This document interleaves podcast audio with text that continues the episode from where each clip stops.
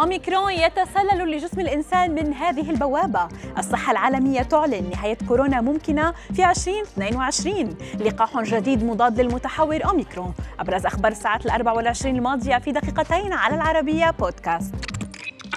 أعلن مدير عام منظمة الصحة العالمية أنه من الممكن وضع حد للمرحلة الحادة من جائحة كورونا هذا العام حتى وإن كانت الإصابات بالفيروس تسبب بوفاة شخص كل 12 ثانية في العالم. لذا لا يجب محاربة اللامساواة في توزيع اللقاحات ومراقبة انتشار الفيروس ومتحوراته واتخاذ الإجراءات اللازمة لتقييد انتشاره. وحذر من خطورة أن نفترض أن المتحور أوميكرون سيكون المتحور الأخير أو أن الجائحة انتهت لأن الظروف مثالية حاليا في العالم لظهور متحورات جديدة من فيروس كورونا بما في ذلك متحورات سريعة الانتشار وأكثر ضرراً. لا تكتفوا بالكمامات فمتحور أوميكرون يمكن أن يتسرب إلى جسم الإنسان من خلال العينين. هذا ما أكده خبير روسي.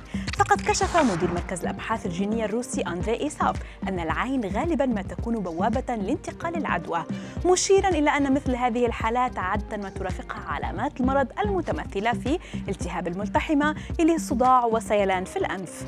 فمع مرور الأيام وزيادة البحث العلمي حول هذا المتغير الجديد تم وضع العديد من الأعراض الأخرى والتي من بينها ظهور التهاب في العين.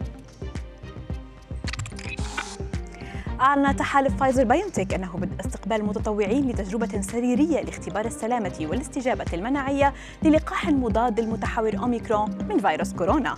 وقال التحالف أن التجارب السريرية ستتم على أشخاص لا تزيد أعمارهم عن 55 عاما مشيرا إلى أن المعطيات الحالية تؤكد أن الجرعات المعززة من اللقاح الأصلي تحمي من العوارض الخطيرة لأوميكرون.